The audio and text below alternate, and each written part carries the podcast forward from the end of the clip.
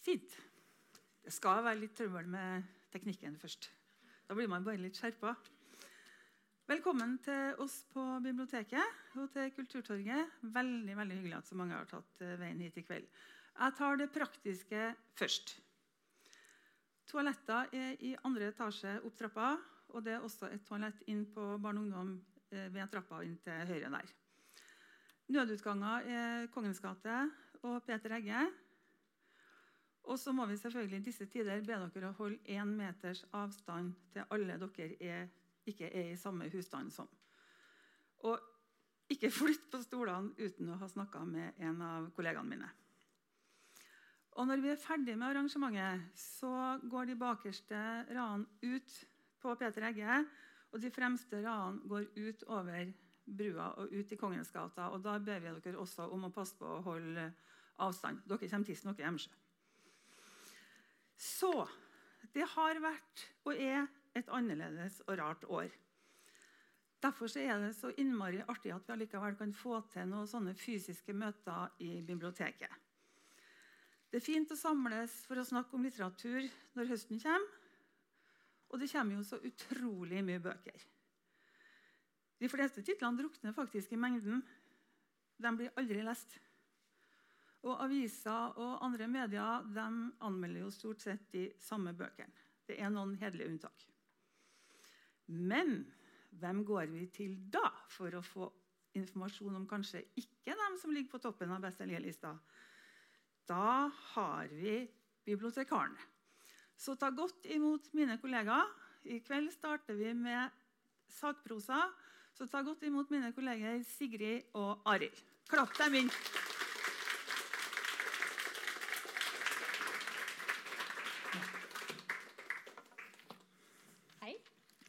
Hei. Hei. Kjenner på? Ja, Så vidt. ikke for nærme. Vi skulle egentlig sitte. Skal vi se. Da har vi et ulikt utvalg av sakprosa her. Og Sigrid, det er du som starter med boka til Linda Lund Nilsson, 'Kjære bestemor'.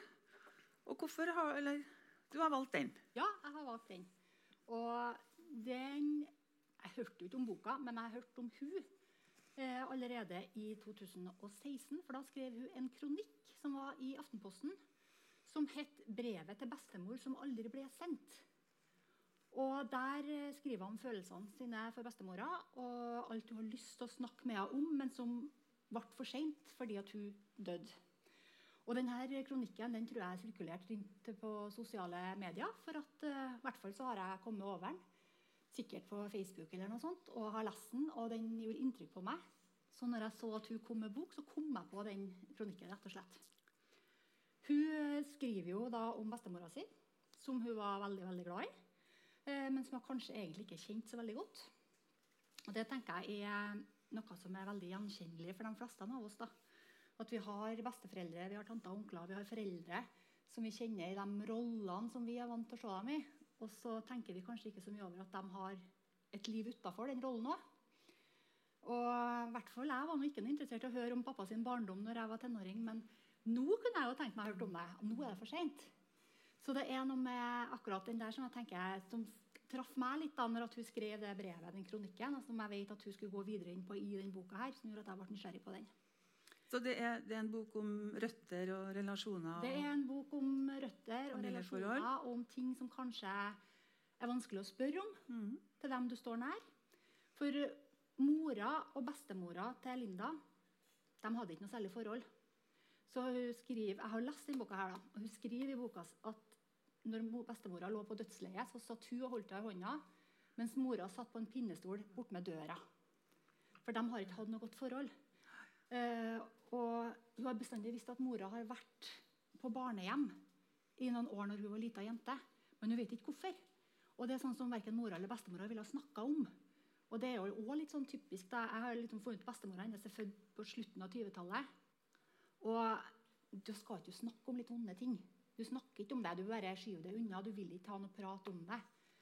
Eh, men eh, hun skriver jo liksom veldig fint i boka om oppveksten med bestemora, hvor mye hun har betydd for henne. Men så også er det det at hennes eget liv tar over, og så plutselig så kommer hun på en vaffel en gang iblant til bestemora, og så glemmer hun litt ellers. Og så tenker hun hele tida at hun skulle ha den samtalen med bestemora, og så blir det for seint. Mm.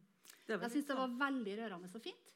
Og Hun skriver om oppveksten til bestemora. Hun finner jo, finner jo tak i litt sånn eh, gamle slektninger og sånn, og begynner å forske litt på. Eh, og finner ut ganske mye om bestemora. da.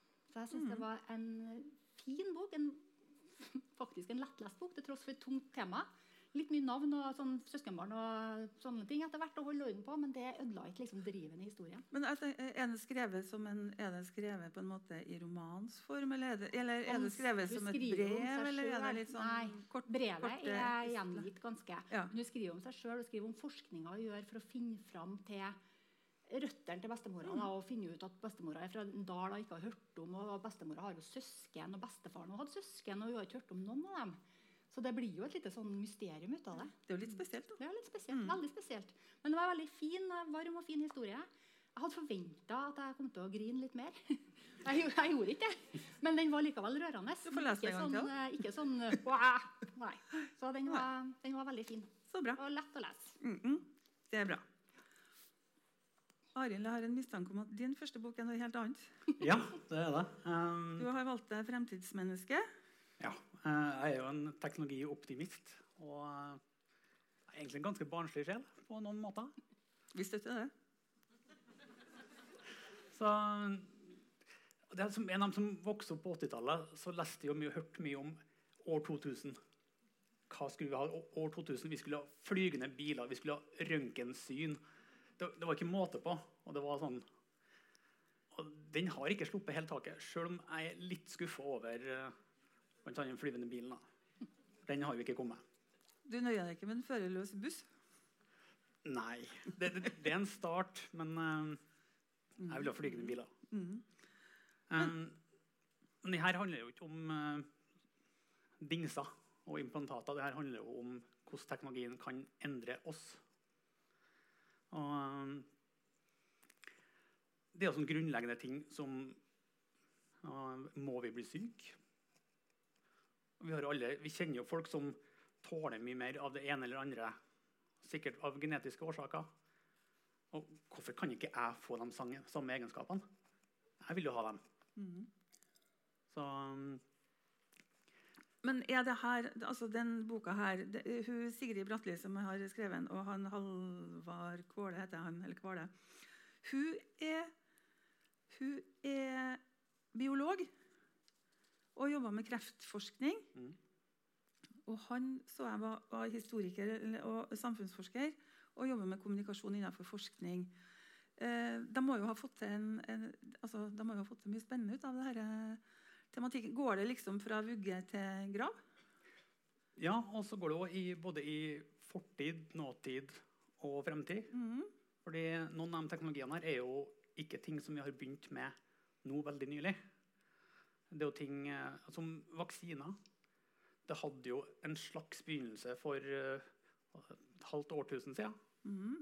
Når eh, Bare se litt i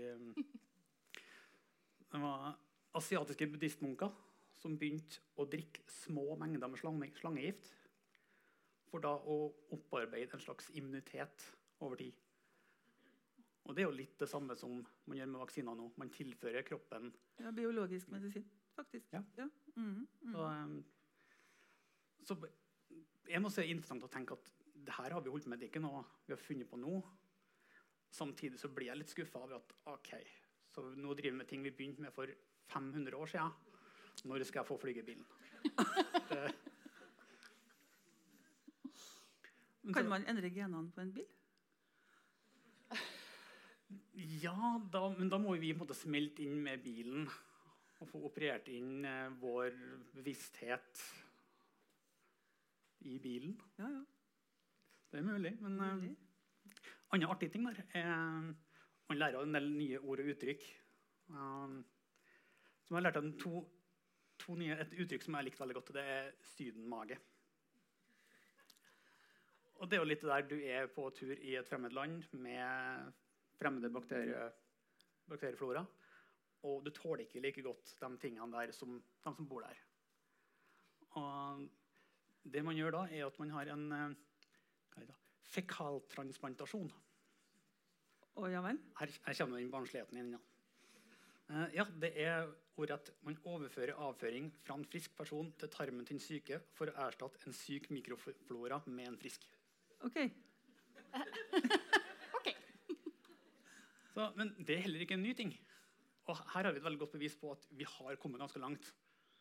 Fordi De begynte med det her i Kina for uh, 1700 år siden. Men da kalte de det for uh, gul suppe. Som de ga til pasienter med, med diaré. ok. Så vi, har- vi har kommet et godt stykke. altså. Vi har det. Mm mhm. Så ja. Ja, men jeg, jeg føler det her er å lese denne boka her, i hvert fall for en som er Er man pessimistisk, så kan man jo se veldig mye skumle ting her. Eh, jeg syns det blir veldig kjedelig.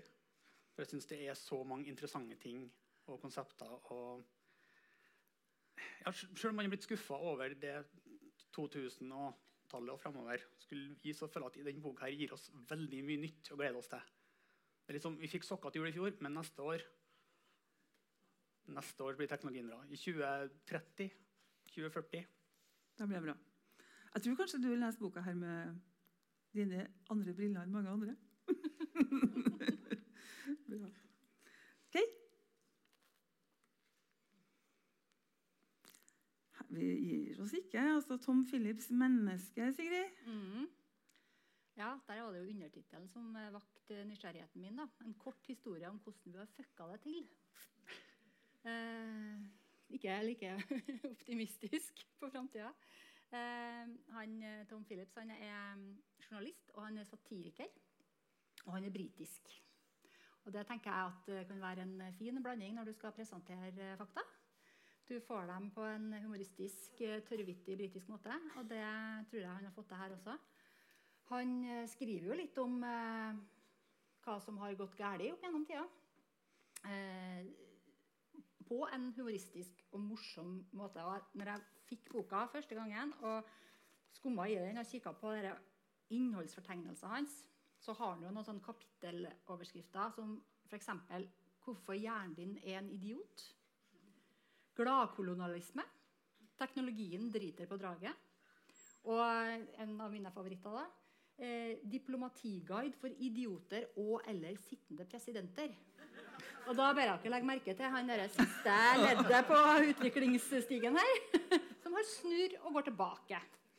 Så eh, her forventer jeg at det blir ganske mye sånne morsomme ting en kan trekke fram i litt sånn festlig lag. Eh, han skriver sjøl at eh, den er ikke en bok du må lese hvis du ikke har sans for skadefri. For at han, han trekker fram ja, alt det tullete vi folk har gjort da, opp gjennom tidene. Eh, blant annet, han, Den er ganske sånn tettskrevet bok, faktisk. Eh, med lite avsnitt, men på slutten av hvert eneste kapittel så har han noen fun facts. Og der tenker jeg dem eh, må han lære seg, så kan han gjøre suksess på litt festlig lag. Eh, I Delhi så hadde de et stort eh, problem med slanger.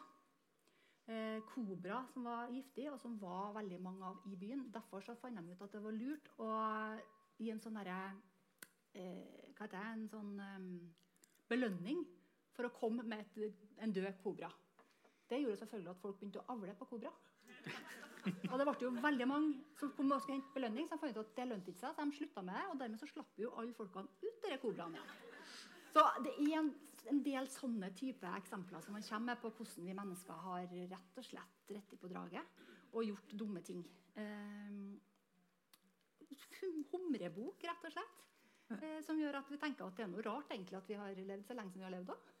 Ja. Og, men, og så var det, det var litt morsomt. Jeg gløtta inn og, og det der Lucy, det der urmennesket eller sånn. Mm. Og de liksom har funnet i ettertid at hun mest sannsynlig datt ned fra et tre. Vår stammefar var en klumsete dame som Ja, datt ned fra et tre. Så vi Ja. har liksom ikke Så det er der vi stammer fra. Vi har ikke alltid hatt de beste forutsetningene. Nei, jeg har si. ikke det. Nei, Har ikke det, altså. jeg har ikke det. Mm -mm. Da skal vi se Arild? Ja. Erika Fatland, høyt. ja det, det er et lite sprang fra den eh, forrige boka. Hvor er hun nå? Nå er jeg, i, nå er jeg vel hjemme. Nå er jeg vel veldig glad for at hun gjorde researchen til boka der i fjor, og ikke skulle begynne med det nå i år. For hun brukte jo åtte måneder på å reise gjennom Himalaya. Og fortelle det mest om møtet med kulturene, og spesielt møtet med menneskene. Men den, akkurat i år føler jeg at denne boka her er ekstra verdifull. For det, når Jeg satt opp blad, jeg, jeg har ikke begynt å lese den skikkelig, for det, det vil jeg ta meg god tid på. For den kom jo ut nå i forrige uke. Da. Og jeg, føler, jeg, vil ha den her, jeg vil ha den reisen. fordi nå, ja. når jeg har lest om å reise, møte nye mennesker, møte nye kulturer og Siste tida vi har så vidt kunnet møte naboen. Og den her, det, må, det må kunne reise til, Vi kan ikke reise til Sverige engang. Så det, det føles veldig som sånn Å, sånt gjorde vi før i tida. Det føles veldig lenge siden. Det gjør det. Det føles veldig lenge siden. Ja. Så det var så rart. Og... Men du, er denne boka her litt sånn den nye typen reiseskildring? Som ikke er bare sånn eh, fakta og høyde over havet, og sånn, men også at det møter med de ulike folkene Du sa jo litt om det, altså de ulike folkene du møter. Og vi møter vel mange folkegrupper på sin vei her. Ja. Du reiser jo gjennom flere land. Ja, og mm. veldig mange forskjellige mennesker. Og du møter også den, den konflikten man noen ganger får. Som, eh, det er jo en som gir kona et klaps i bakhodet når han går forbi, og hun er litt sånn her Det må hun slutte med. Og, så er det litt fram og tilbake, men sånn Ja, han skulle slutte med det. Men ja, vi skal snakke om det senere. Men jeg hørte jo ikke noe mer. Nei. Så, så er det der Hva skal man akseptere? Hva skal man mm, mm. Og, og der var det litt sånn Det har vi alltid gjort. Men det, det, er en del ting som akkurat denne perioden har lært også, at sånne ting vi alltid har gjort, det, det, kan endres fort. Det burde vi kanskje ikke gjort. Nei. Men jeg håper virkelig at dette er på en måte den nye typen reiselitteratur. For det er, det, Ofte så er den her, de majestetiske fjellene så Man bare kaster adjektiver utover et landskap, mm. og så er det stort sett det det handler om. Og det er jo fint nok, det. Men man merker sjøl når man er på tur, at det er jo ikke, man blir jo fort, man blir fort metta av nok et høyt bygg, nok et høyt fjell. Det der møtet med, med menneskene. Det er en svær bok, ikke det? Å oh, ja. Jeg, jeg fikk ikke med meg ned. Den, altså. den er Sånn cirka. Største boka du har sett, faktisk. Ja, men jeg tenkte mm. Planen min er å lese den på like lang tid som hun brukte. Bare følge reisen hennes. Det er fint. Det, ja. det er fint da. Hun brukte jo åtte måneder. Mm. Så jeg føler at jeg har, jeg har ganske... lånetid på den. Men det kanskje, kanskje, noen vil bli provosert i år av å få en bok om reising når, liksom, når man ikke kan reise? Men du blir ikke det? Da får man bare bli sint. føler jeg det. Ja, men vi, vi, vi, jeg føler vi trenger det nå. Vi, vi trenger å drømme oss fått Skjønnlitteratur har jo den der virkelighetsfluktaspektet. Men denne boka gir deg litt det, sjøl om det er sakprosa. For det er, og det er ikke en alternativ virkelighet. Det er vår virkelighet. Men ja, akkurat nå er den litt alternativ. Plutselig så ble den det. Den ble det plutselig, men den er veldig fin å bare drømme seg borti. og drømme seg ut på tur. Fint. Jeg har klokke her. Skal vi se her. Sigrid, mm. noe helt annet igjen. På noe helt annet. Anne Sverdrup Tygeson ja. På Naturens skuldre. Det er hun med insektene også. Det er hun med insektene. Hun mm -hmm. er professor i bevaringsbiologi. Og hun har vunnet, eller vært nominert til Brageprisen for en bok for et par år siden som handla om insektenes planet. Hun har også skrevet barnebok om insekter, så hun kan mye om insekter. Eh, jeg kjenner navnet hennes fra noe som jeg nettopp har lært også går på TV-en, men jeg har hørt det på radioen. Abels tårn. Mm -hmm. For der er hun ofte med. Og jeg syns hun er utrolig flink til å forklare ting på en måte som gjør at jeg ikke trenger å huske på hva jeg egentlig lærte i naturfagen på barneskolen. Hun bruker sånne ord for å forklare naturen som gjør at uh, jeg skjønner det. Jeg skjønner hva hun snakker om, uten at jeg kan noe som helst om kjemi og biologi og alt det andre som har bare gått fort gjennom hodet mitt. Eh, så hun kan faget sitt, og hun er i tillegg en veldig god formidler. Mm. Og det du snakka om med framtidsmennesket eh, Hun skriver jo litt her om at eh, vi menneskene er liksom én art blant ti millioner andre arter. Og vi tenker på oss sjøl som de lureste og de smarteste og de beste, men vi har utrolig mye å lære av andre. Og hun trekker jo fram faktisk litt sånn som han Tom Phillips gjorde, at vi har jo dumma oss litt ut, vi menneskene òg. Blant annet så fantes det en, en manet som klarte å reprodusere seg sjøl. Og den var så sjelden at uh, når de oppdaga at hvis vi kutta av en bit på den, så vokste den ut igjen, og det kan, det kan, vi kanskje forske litt videre på, så var ikke det mer maneter igjen. Uh, hun trekker fram en del sånne ting som at, at insekt, dyr, alt er i en symbiose. Og vi har så lett for å ikke se det samarbeidet og ikke forstå det før det er for seint og vi har gjort noe som gjør at det er ødelagt for alltid. Men det er ikke sånn veldig pessimistisk og nedslående historie likevel, for det om hun trekker fram en del sånne ting. da. Um, jeg liker veldig godt det hun sjøl har sagt i et intervju om boka si. For der har hun eh, beskrevet naturen som menneskehetens vaktmester apotek, landhandel, bibliotek og kulturhus. Og Det synes jeg var veldig sånn fint, uh, fint, sagt om naturen. Mm, mm, mm. At all naturen kan være alt det hvis vi bare lar den få lov til å være det. Mm. Og det er kanskje en påminning eh, eh, altså den boka er en påminning om altså at vår måte å leve på i dag er kanskje mm, ikke, kanskje ikke det lureste og smarteste når det gjelder artsmangfold og sånn. Ja, så jeg tenker at det er en bok som gir oss litt, kanskje litt nye tanker, rett og slett. Og hun skriver, du sa hun skriver godt, sånn at, ja. eller sånn at det er lett, lett og mest lett tilgjengelig? Ja. Mm. Alt eh, pensum fra naturfagen det er glemt til meg, men det her er helt enkelt å henge med på. Det er ikke noe sånn faguttrykk. Og hun beskriver liksom ting på en sånn måte som Hun henter ting fra naturen, hun henter ting fra kultur, hun henter ting for, for å forklare naturen. da. Så det syns jeg var litt artig. Hun tar faktisk en Jan Eggum-sang for å forklare sånn, et dyr der når du, det dyret føder barna sine, og barna syns at nei, det var litt for kaldt, så kan de bare krype inn i mor igjen. Og da han, Jan Eggum har en sang om at uh, mor vil tilbake. Så den uh, kobla hun med det dyret der, da. Vi skal ta en sang etterpå. nei, så um, hun er veldig Hun er nok kanskje den forfatteren som skriver uh, skjønnlitteratur som, eller sånn faglitteratur som når ut til flest mulig. Har jo blitt oversatt til veldig mange språk. Mm. Mm.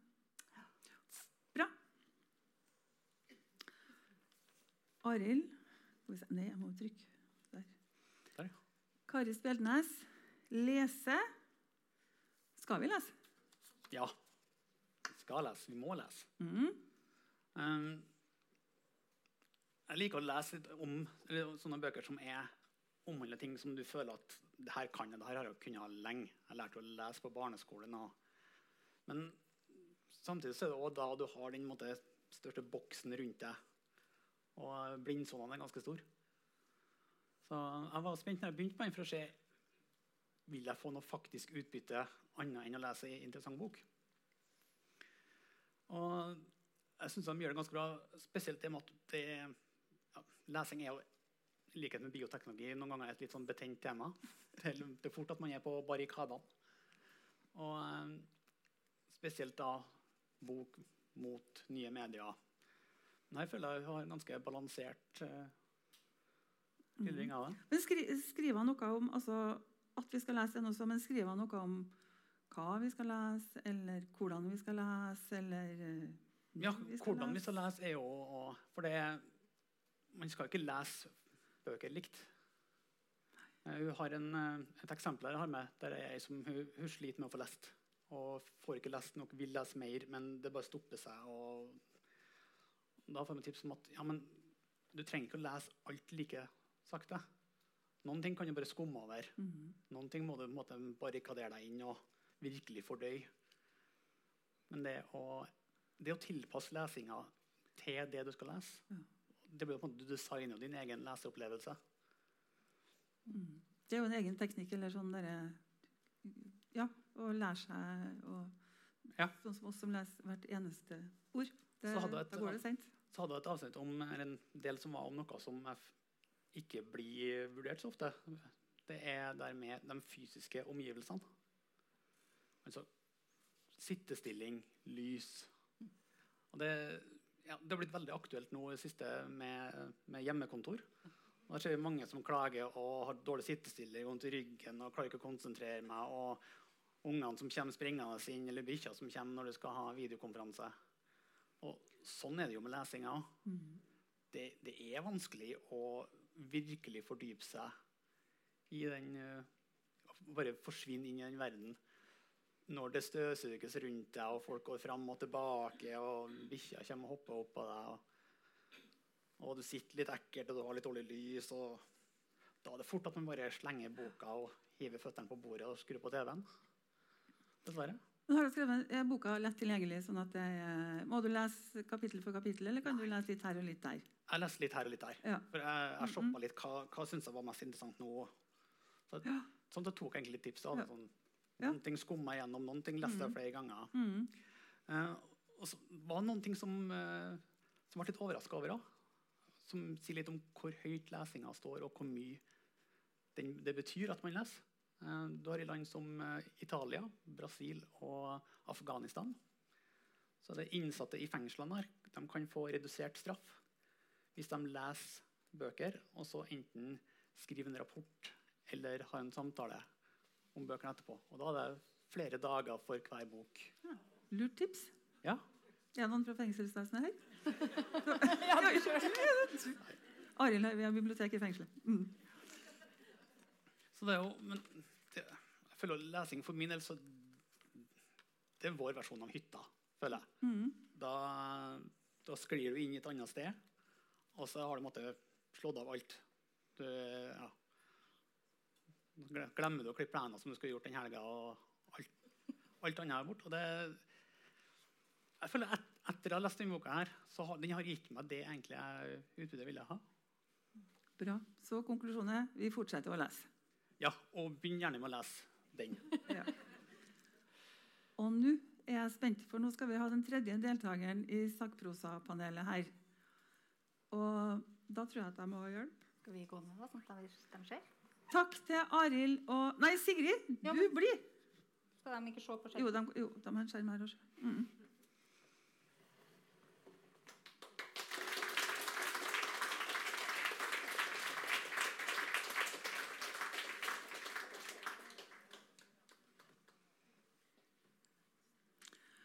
Vi har nemlig en kollega som har dobbeltbooking. Han har høstferie. Så han har vi forhåpentligvis med her nå fra Åfjorden.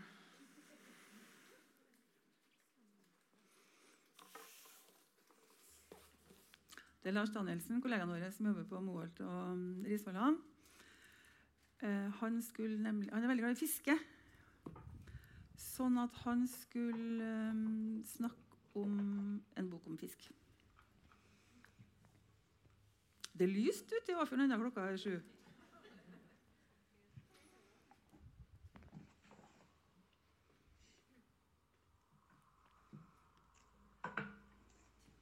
Hallo. Jeg heter Lars, og til vanlig så jobber jeg jo på biblioteket. Og når ikke jeg gjør det, så er jeg jo her i Åfjorden, Herfjorden, og fisker. Jeg skulle jo egentlig ha vært sammen med dere i kveld, og vi skulle ha snakka om hvilke bøker vi hadde gleda oss spesielt til denne høsten her. Men dere skjønner jo at det har blitt ei lita dobbeltbooking. Men dere slipper jo ikke helt unna, for jeg har da med ei bok jeg har gleda meg spesielt til.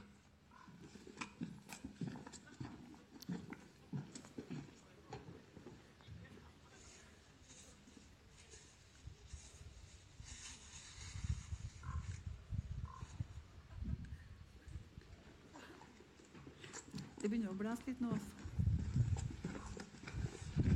Og den boka er den siste til Karsten Alnes.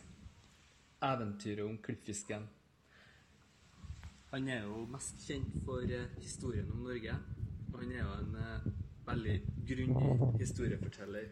Jeg er nå godt i gang med boka, og det er en stor glede å lese den. Den heter nok 'Eventyret om klippfisken', fordi at den er så mangfoldig og tar for seg så mange sider av havet.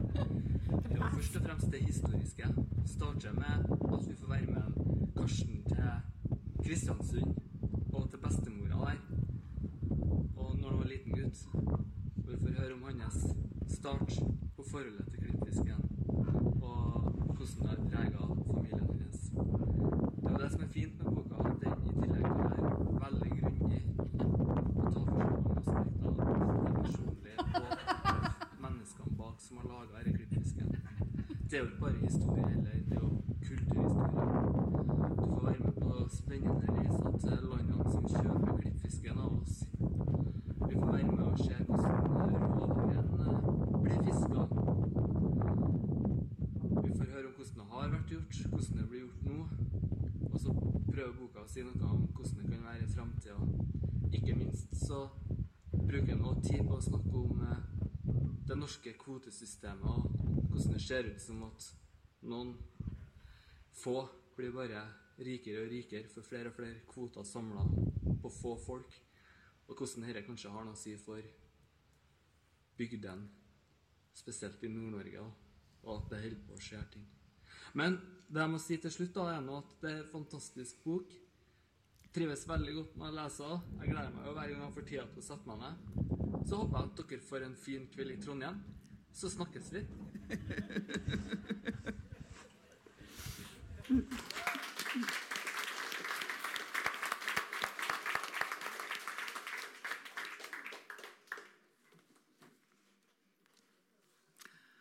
Da går vi videre til krim. Og vil jeg ha opp av Sigrid igjen. Og så ønsker vi velkommen til Mariann og Trine.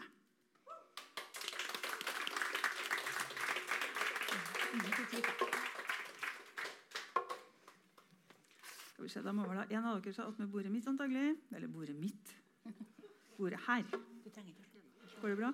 Mm -mm. Skal vi se hva det står her, da? Alle har lyd? Ja. det ja. Jeg vet ikke. Jeg må se. Nei, vi får vel Ja, oi, jeg har. Jo da. Du har. har. Mm -mm. Da, Sigrid, siden du ble stående, så får du begynne først igjen. du. Ja. Får du? Du har valgt deg Sharon Bolton. ja, det har jeg, vet du. Engelsk.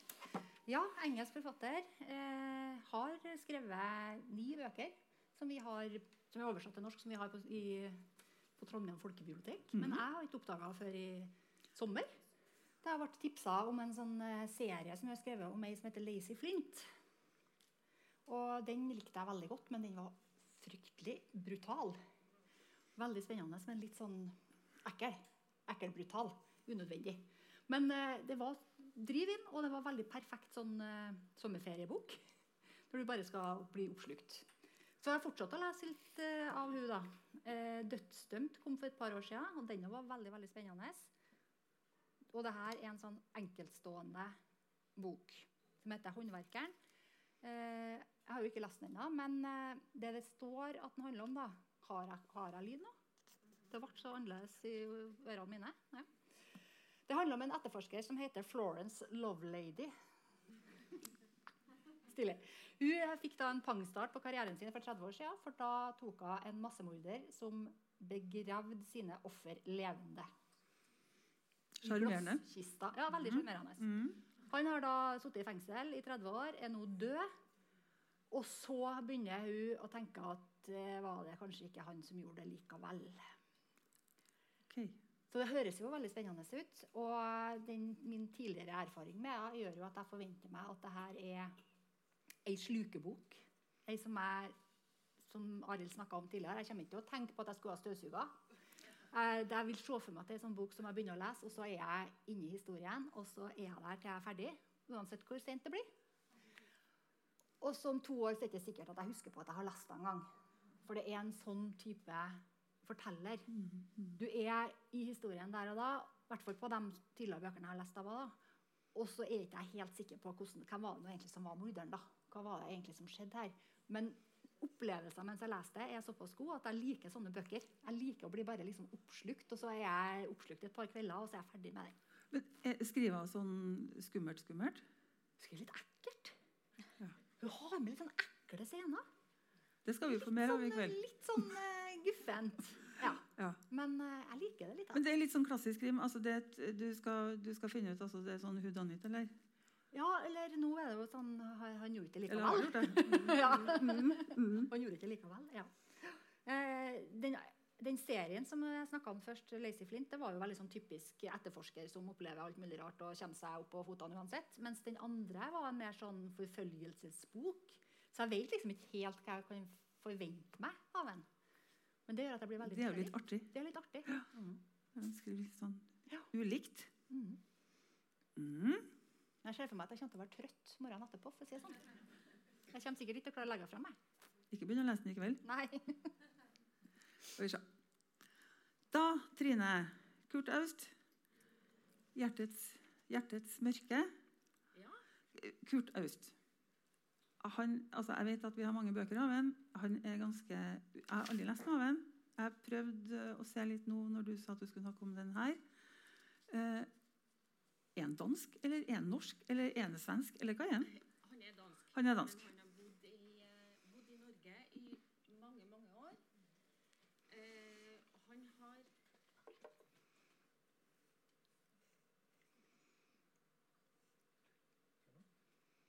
Sånn?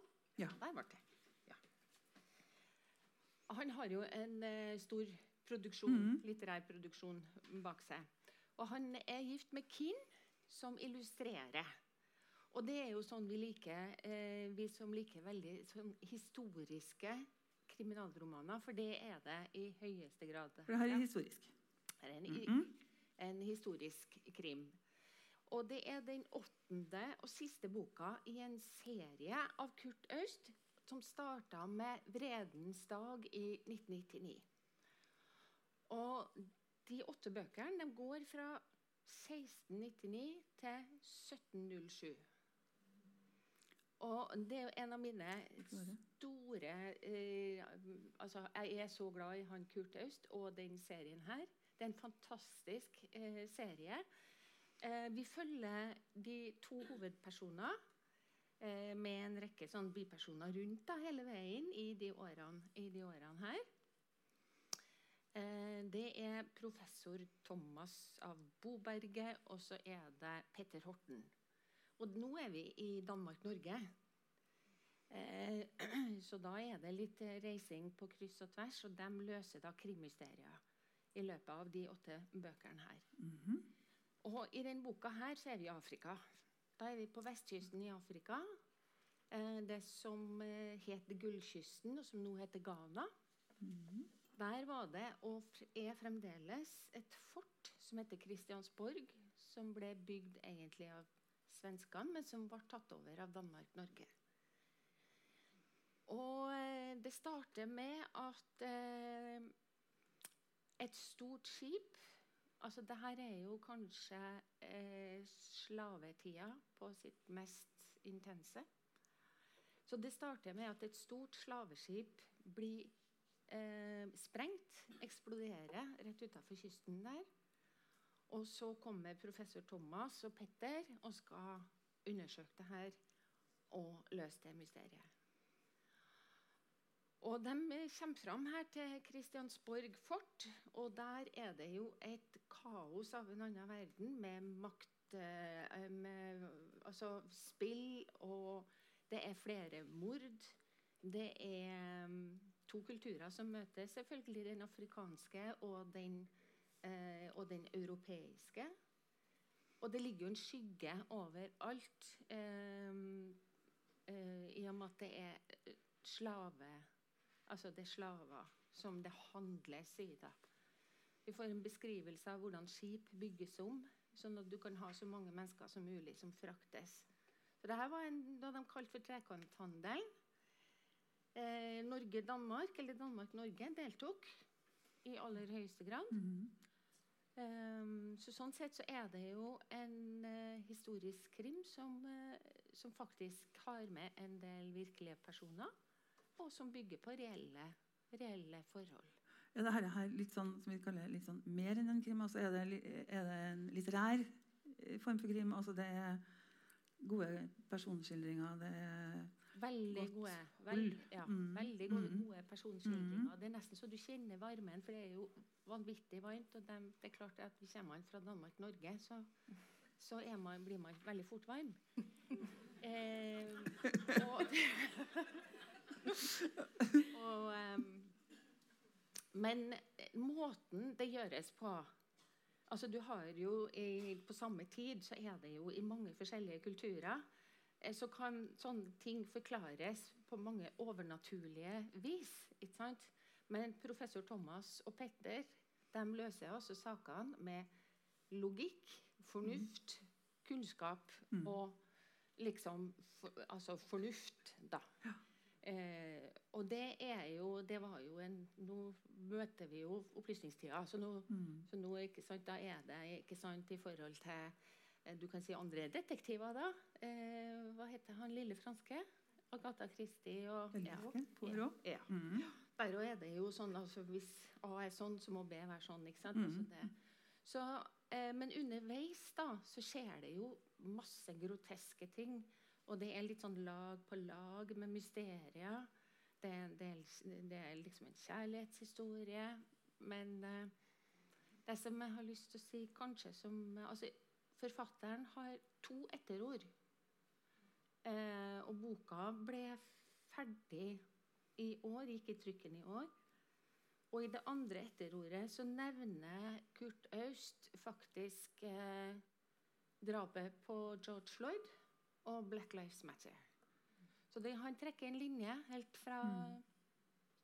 altså rundt 1700 eh, i Afrika og helt fram til, våre, til vår tid. Ja. Så det er også en bok som gir mye kunnskap. Den gir selvfølgelig veldig mye spenning. Men uh, i og med at det er så gode miljøskildringer og personskildringer, så kommer man veldig nært det som skjer i boka. Kurt Yes. Ja. Her er det gørr. Martin Holmen Slugger. Ja, eh, Først så må jeg jo be deg og dere om unnskyldning, for jeg har egentlig ikke brydd meg om mandatet. Jeg har ikke brydd meg om at jeg skulle finne eh, høstens nye krimbøker å snakke om. Går fint. Mm. Eh, så det gjør jeg ikke. Men dette her er en bok som kom litt, eh, litt i vår, da. Det er nummer tre i den såkalte Stockholm Noir-trilogien.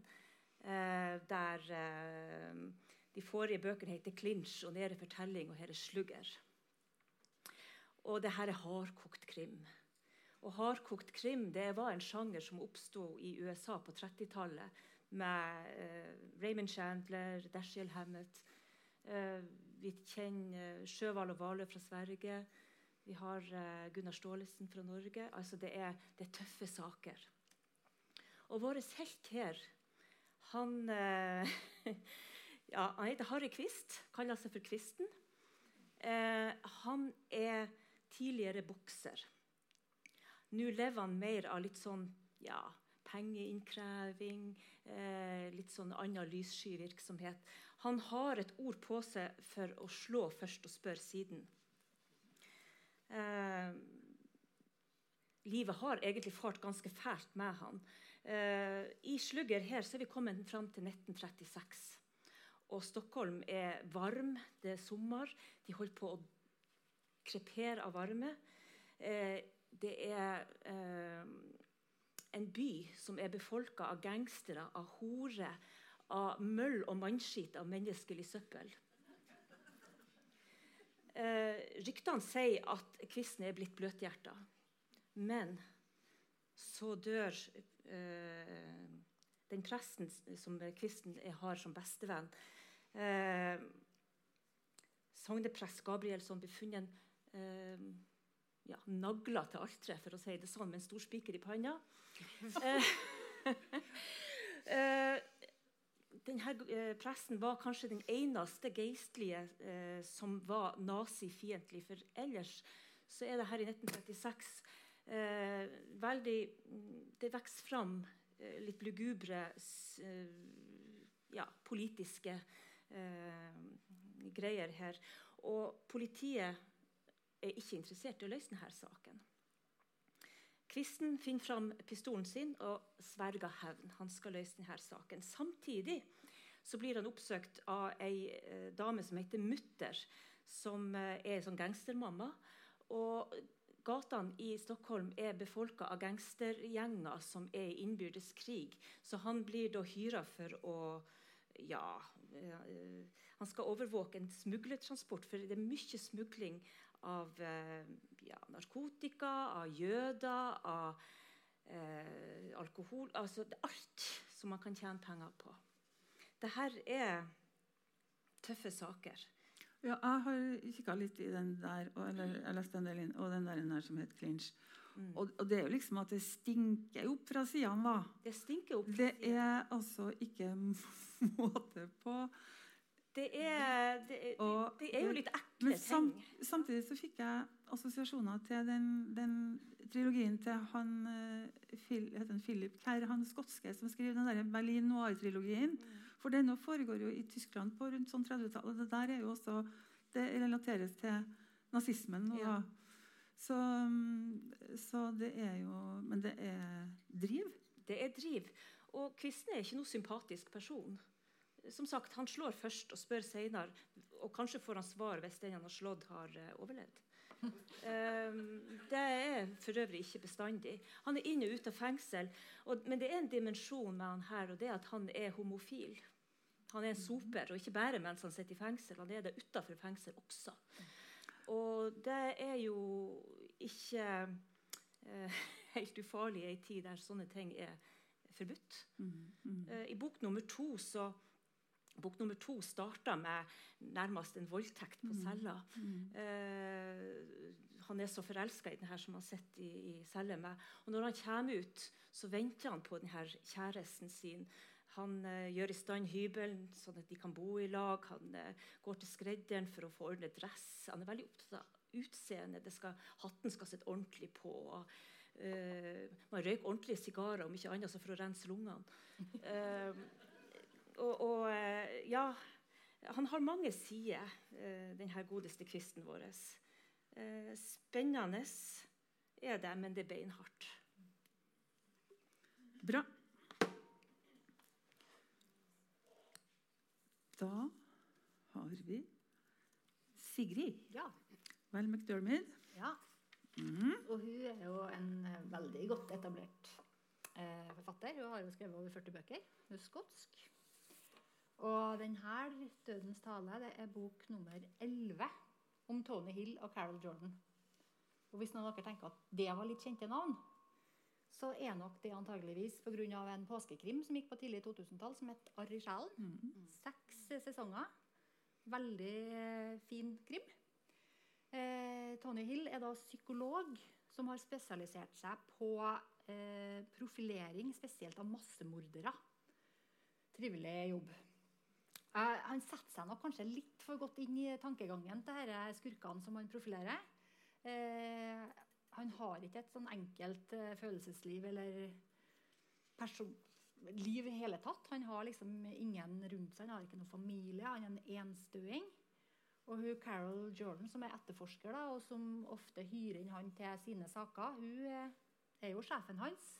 Men hun blir jo etter hvert ganske mye mer enn det. De to har en ganske lang og brokete historie. Og det her er jo som sagt bok nummer 11. Og utover i serien så har jo dette forholdet og den dynamikken mellom de toene utvikla seg både på god og dårlig måte.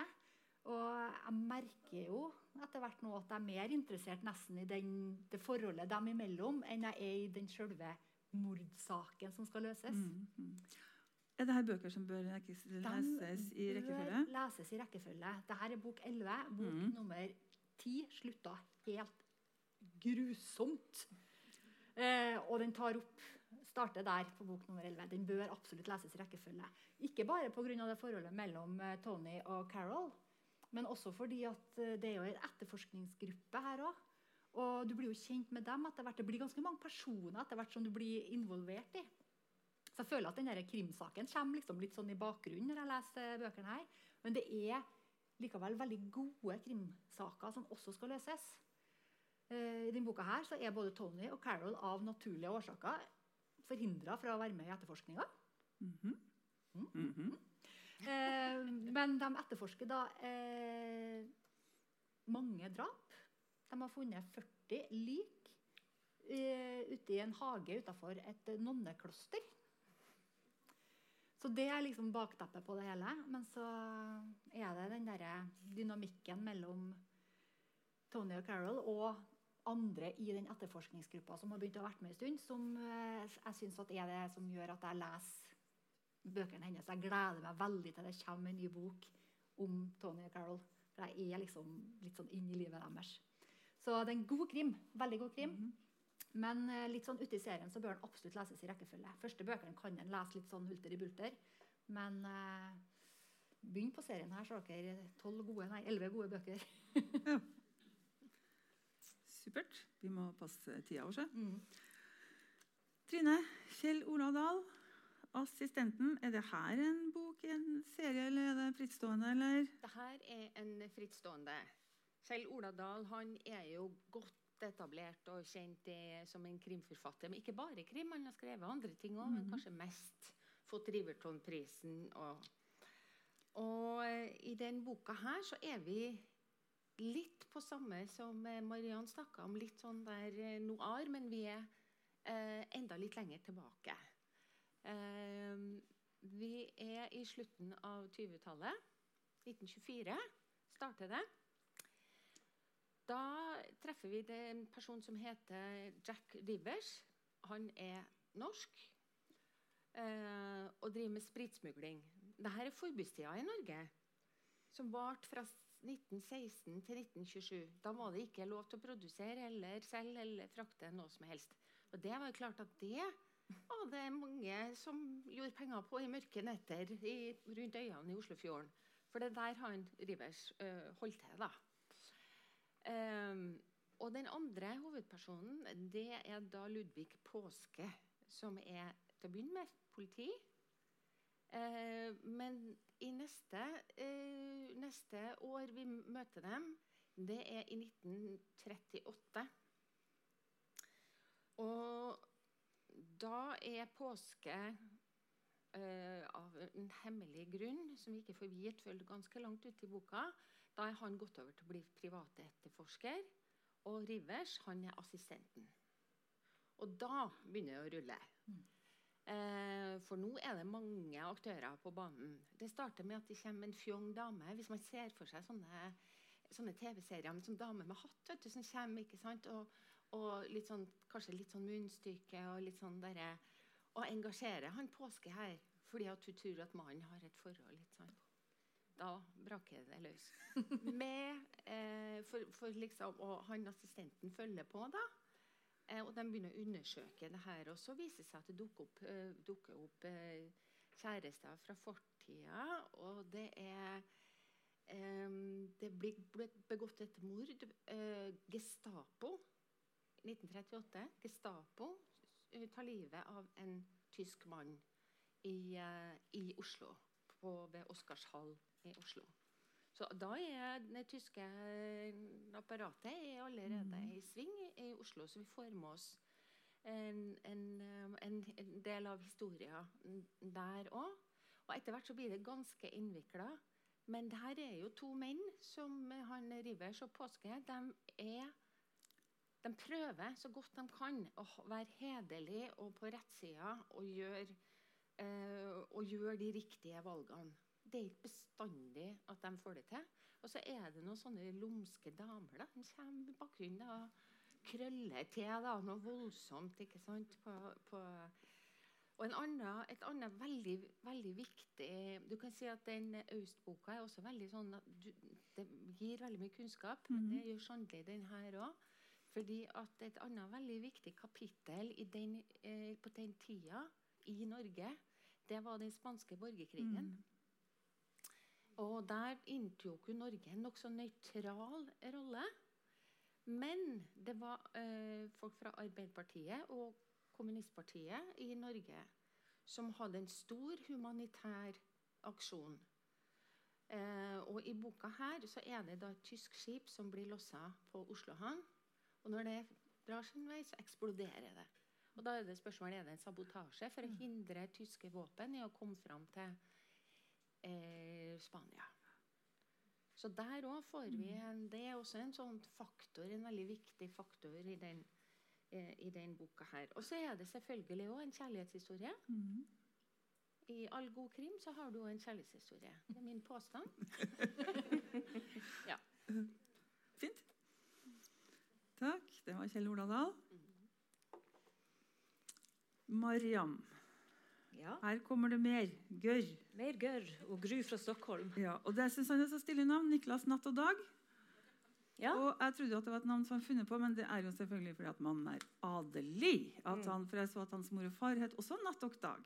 Ja, Mhm. Gammel svensk adelsslekt. Der de er visst eh, lutfattige eh, fra Fordadar, så man kan jo ha et tjongt navn, men mm. man er nødt til å livnære seg som forfatter for dem. Men det her er da bok nummer to som, i det som skal bli en, en, eh, en trilogi. da. Eh, Bellman-trilogien. Og da måtte jeg til eh, Wikipedia og fant ut at Carl Michael Bellman var en svensk dikter og visesanger, født i 1740 og død i 1795 i Stockholm. Og han var da Sveriges nasjonalskall og skrev masse om folkelivet. og eh, han Niklas Natt og Dag blitt veldig fascinert av det han har lest og hørt av Michael Bellmans eh, sine tekster, og har gått tilbake. Første bok heter eh, 1793. Så her er 1794 som kom i år. Veldig tidlig i år. Høsten kom tidlig i år. Februar, tror jeg.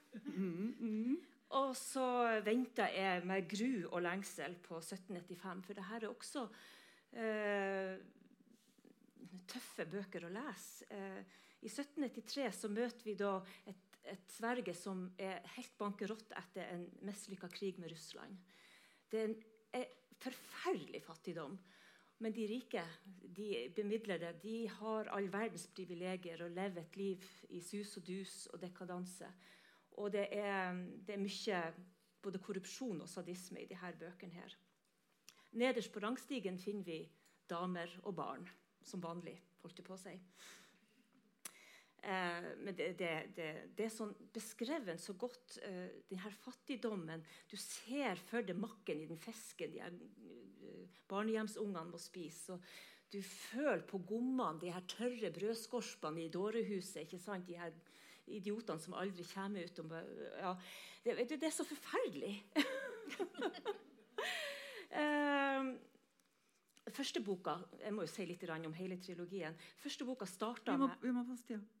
Hæ? Vi må passe tida. Sånt? jo, jeg skal prate fort. Men første boka der finner, finner altså noen unger et lik i en innsjø. Og liket er uten øyne, uten tunge. Det er kutta av armer og bein. Og de finner ut at det her skjedde mens stakkaren ennå var i live. Hvem i all verden kan stå bak en sånn her grusomhet? Og eh, det er da eh, Cecil Winge, som er en rettskaffen jurist, men dødssyk, tuberkulose. Det, altså, eh, korona, herlighet. Her hostes det blod over, over siden. Det er, det er forferdelig. Og, men eh, han er da makker med en krigsveteran, Mikke Gardell, som eh, også er forfylla krigsveteran, som sagt. Eh, han, eh, de, de, er et veldig umake par, men de fyller hverandre ut, og de løser nå her sakene. her. I neste bok, den her, 1794, da, da er det igjen Kardell vi møter. Den første, den andre, han overlevde dessverre ikke. Men her er det en mor som oppsøker han og ber om hjelp til å finne dattera. Politiet er ikke interessert i å hjelpe i det hele tatt. Samtidig er det en parallell historie som foregår eh, der som Kurt Aust var, i Afrika. Du får eh, En stor del av boka handler om eh, de, de, grusomhetene som var i koloniene og eh, slavehandelen. en glemt plett kanskje på, på historien, men vi, vi, lærer, vi, lærer, mye. Jeg syns jeg har lært mye av å lese de her bøkene. Og det er så spennende.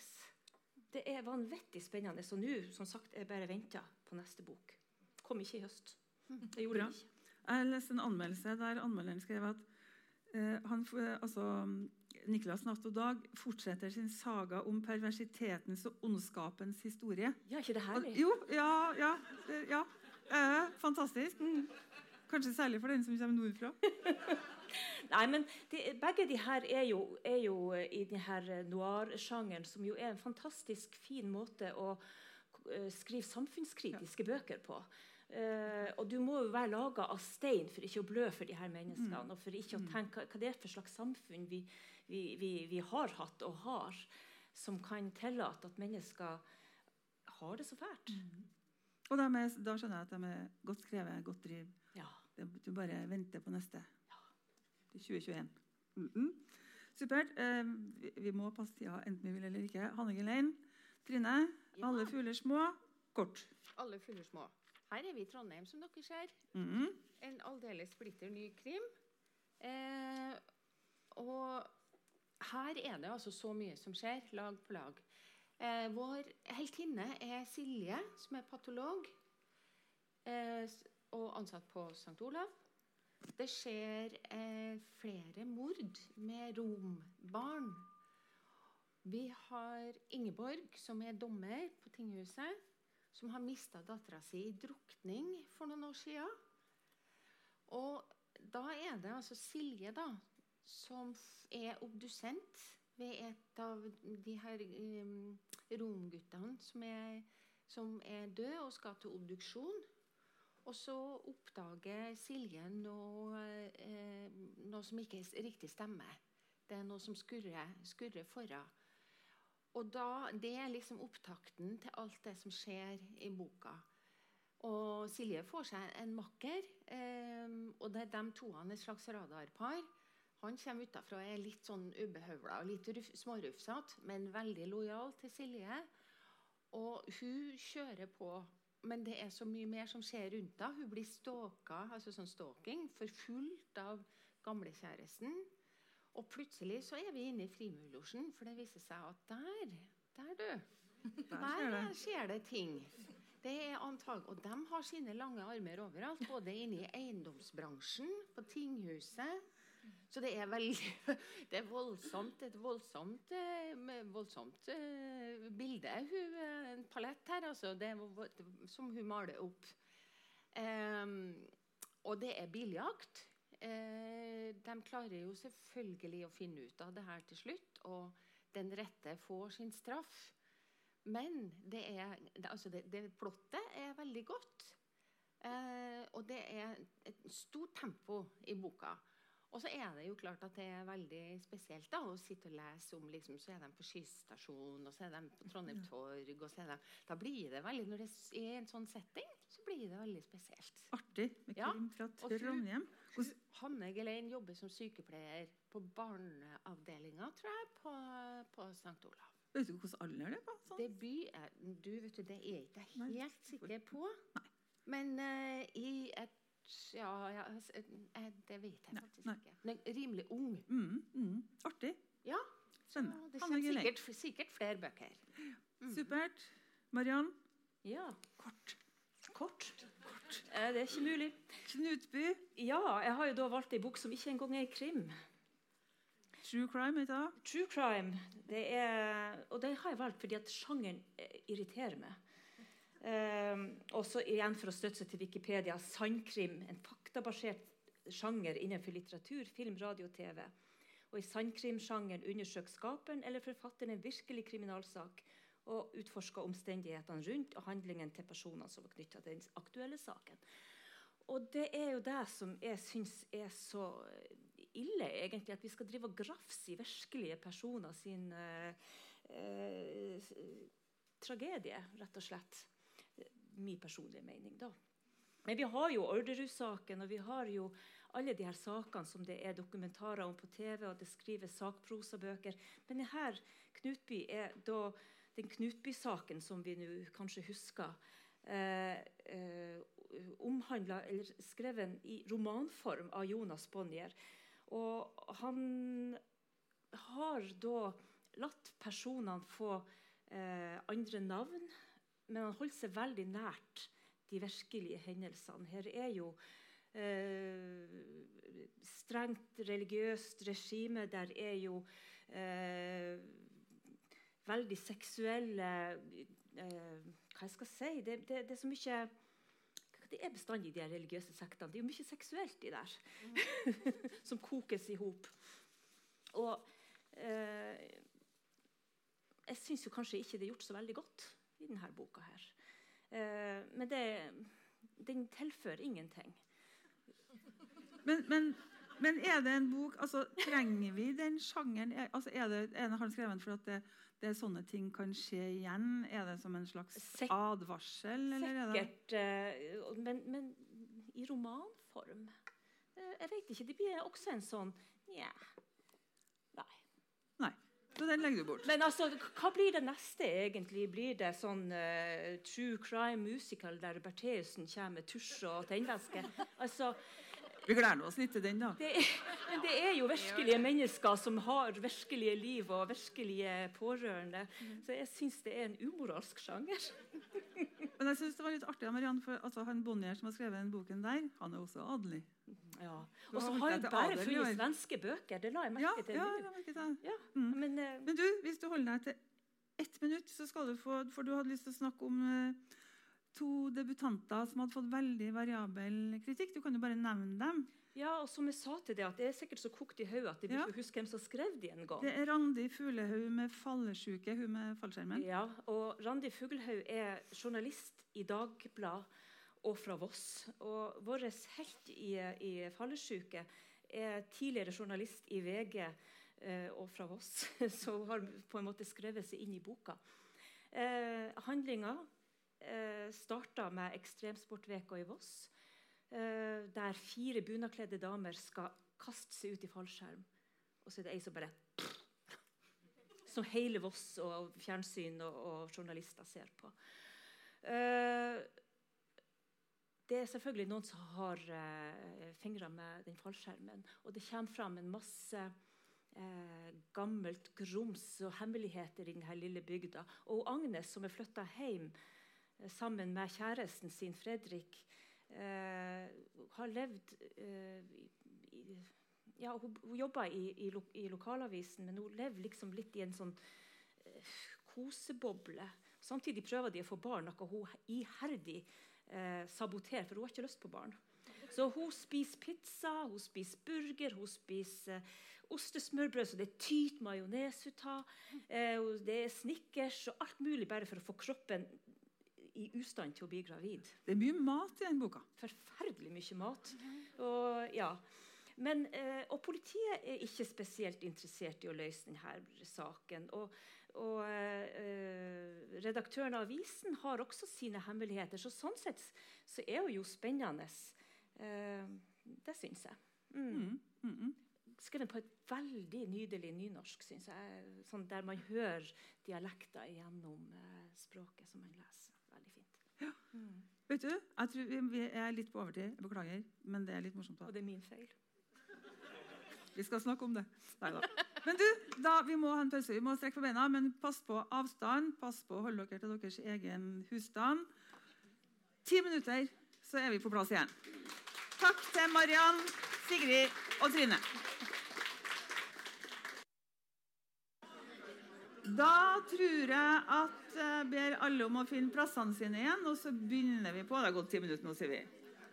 Og så vil jeg gjerne få opp mine kolleger Britt Karen, Martin og Hanna. Ta dem imot.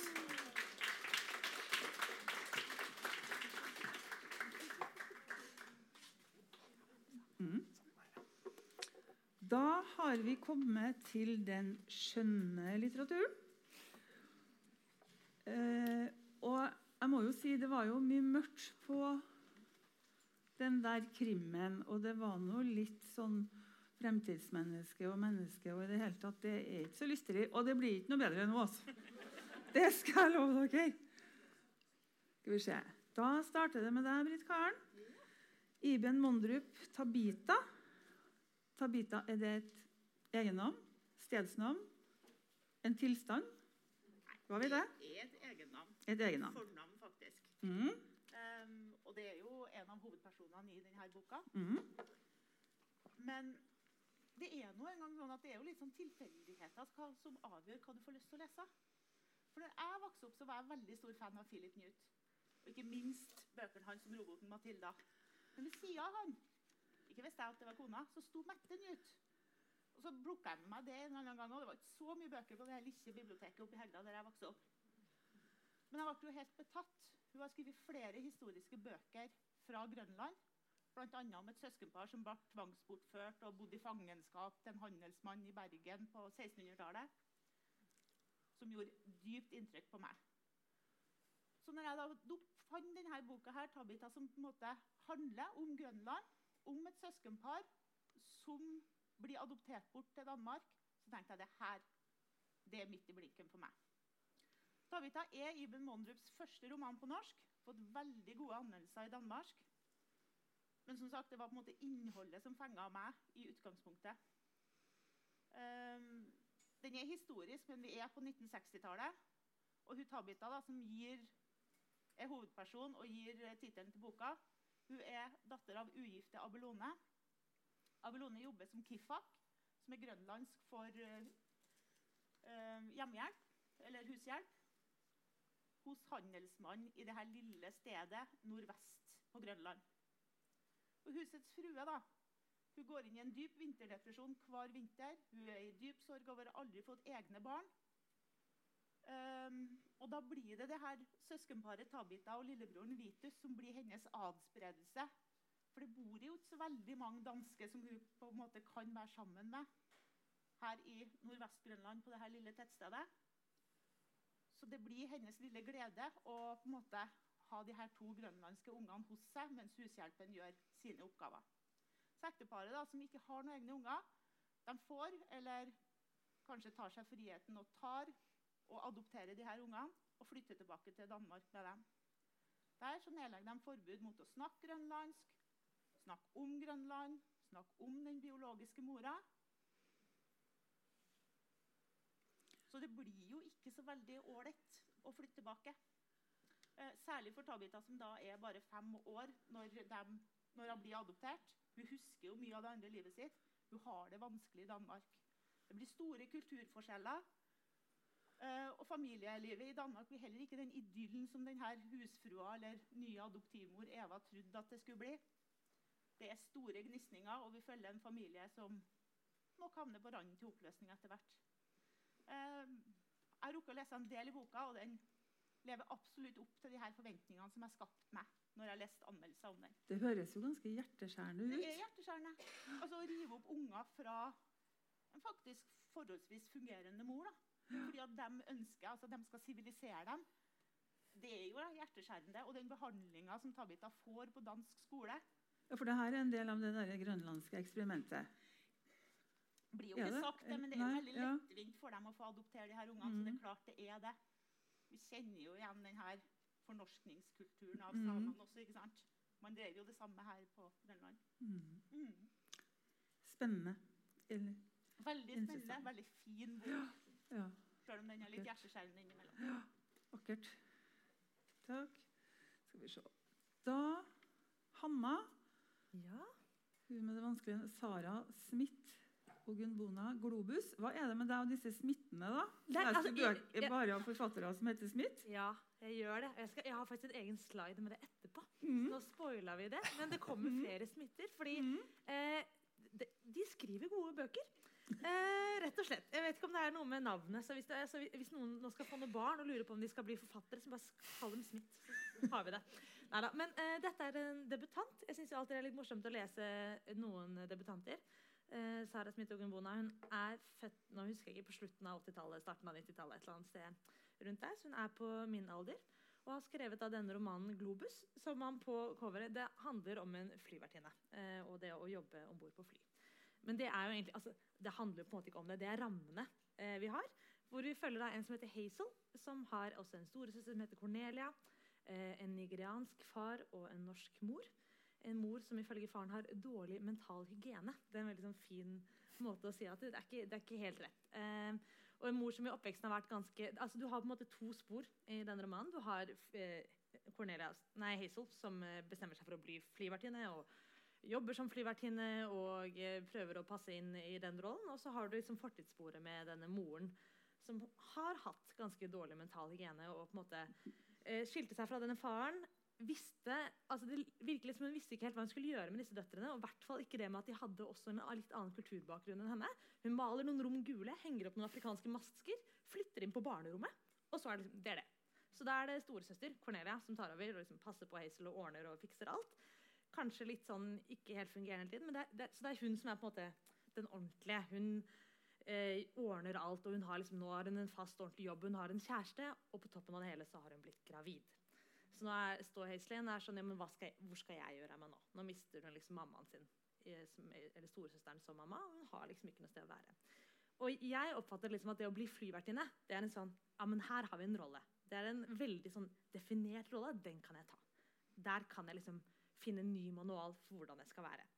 For det som er egentlig, jeg synes det er veldig fint med den boka, at det er veldig mye sånn vi får veldig mye sånn disse manualene man får utdelt når man skal bli flyvertinne. Der står det hva du skal spise, hvor du, lenge du kan gå uten å sove, liksom, eh, hvordan du skal snakke, hvilke ord du skal bruke. Liksom, altså, det er jo veldig sånn detaljstyrt. Ikke bare på, måte, på uniformen, eh, som også er et problem. for det også, ja, det er liksom, På alle disse nivåene er det så lagt opp til at sånn her skal du være.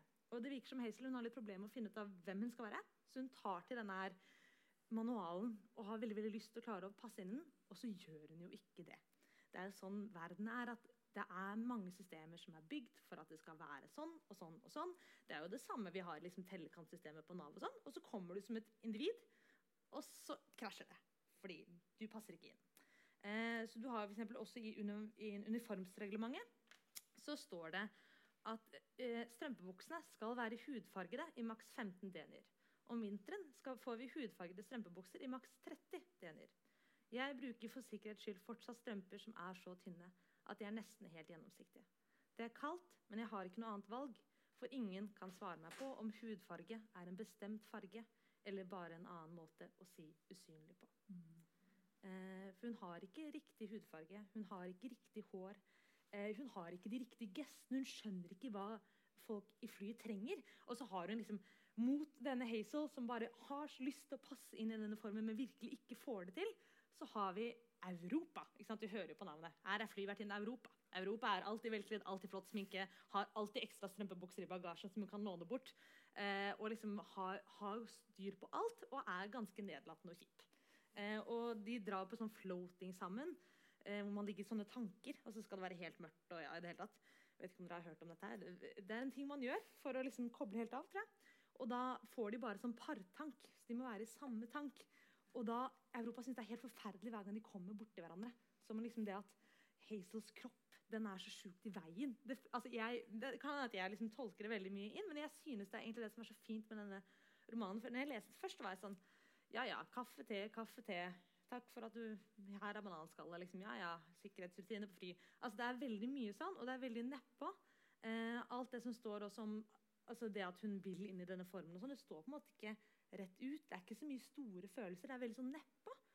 Men så tenker jeg egentlig at det er nettopp det at det er så nedpå, som er så fint. For da kan du selv liksom fylle det med innhold. Jeg synes det er noe veldig veldig flott i denne Hazel som står her og liksom prøver så hardt å passe inn i en form og bare ikke får det til. Og så kan det egentlig bare jeg som leser det på den måten. At det er jeg som leser Europa. Jeg leser henne som, nesten som kolonialismen. Altså Hun er veldig sånn Her kommer jeg, og jeg har alt rett, og jeg får det til uten å måtte tenke. Jeg må ikke jobbe for å passe i denne formen, for jeg er laget i helt riktig form. Og så liksom har du det samspillet. Og det, jeg synes det er så godt, eh, for jeg synes det er ofte mye litt norsk eh, ny litteratur av unge debutanter som ikke klarer å se utover. Men her er det en bok som ved å være veldig veldig konkret. Det handler om å være flyvertinne. Og likevel så klarer du liksom få det samfunnsblikket på. Så jeg koste meg veldig. Men jeg koste meg egentlig ikke så mye i starten. Det tok ganske lang tid før jeg koste meg. Jeg syntes det var ganske kjedelig eh, ganske lenge.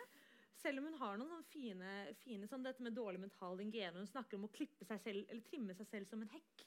Altså Hun har noen sånne fine uttrykk. Men jeg syns den nettopp kanskje var litt for nedpå og litt for kjedelig. Men så lot det liksom ligge og snek det seg liksom mer og mer inn. Så tenkte jeg sånn hm, Men kanskje hun egentlig sier noe mer enn kaffe og te og kaffe og te. Så da, nei, da hadde jeg det gøy. Det er bra. Ja. Jeg, jeg, søkte jo opp boka i vårt uh, system, altså mm. Bibliofil. Det søkesystemet vårt. Og da lå det inn på emnet så lå det, inn, det lå boka her inn på familieforhold og kabinbesetning. Så hvis noen lurer på om vi har et emneord som heter kabinbesetning, ja, vi har det. Ja, det, og det passer veldig bra, for det er nettopp dette familieforhold og eh, altså det er Hvilken rolle har du? Og i flykroppen også, så må du bestemme hvilken flyvertinne du er. Er det hun som dirigerer og sier ta på deg din egen maske først før du hjelper andre? Eller er det hun som sitter bak og liksom gjør ting? Ja. Nå ser jeg noe smitt, smitt, smitt på veggen bak deg. Dette er fort. veldig, veldig raskt. Smitt. Eh, tre forfattere jeg setter veldig pris på, som alle sammen har kommet med eh, nye bøker i høst. Ali Smith eh, skriver på en sånn Det som ble begynnelsen, var det en brexit-kvartett. Nå, er- ja, nå er det ikke det lenger, for nå er det på en måte, eller det er det. Men hun skriver egentlig bare eh, romaner som hun forankrer i nåtidens Storbritannia. Så Det som er så utrolig gøy, da, dette ble skrevet i våres, det er korona. Det bare kommer snikende inn, samtidig som alle trådene fra de tidligere romanene bare snetter seg sammen og blir et hele. og Det er så nydelig, og det er så mye sånn lek med språk, og det er så gøy. Koser meg masse.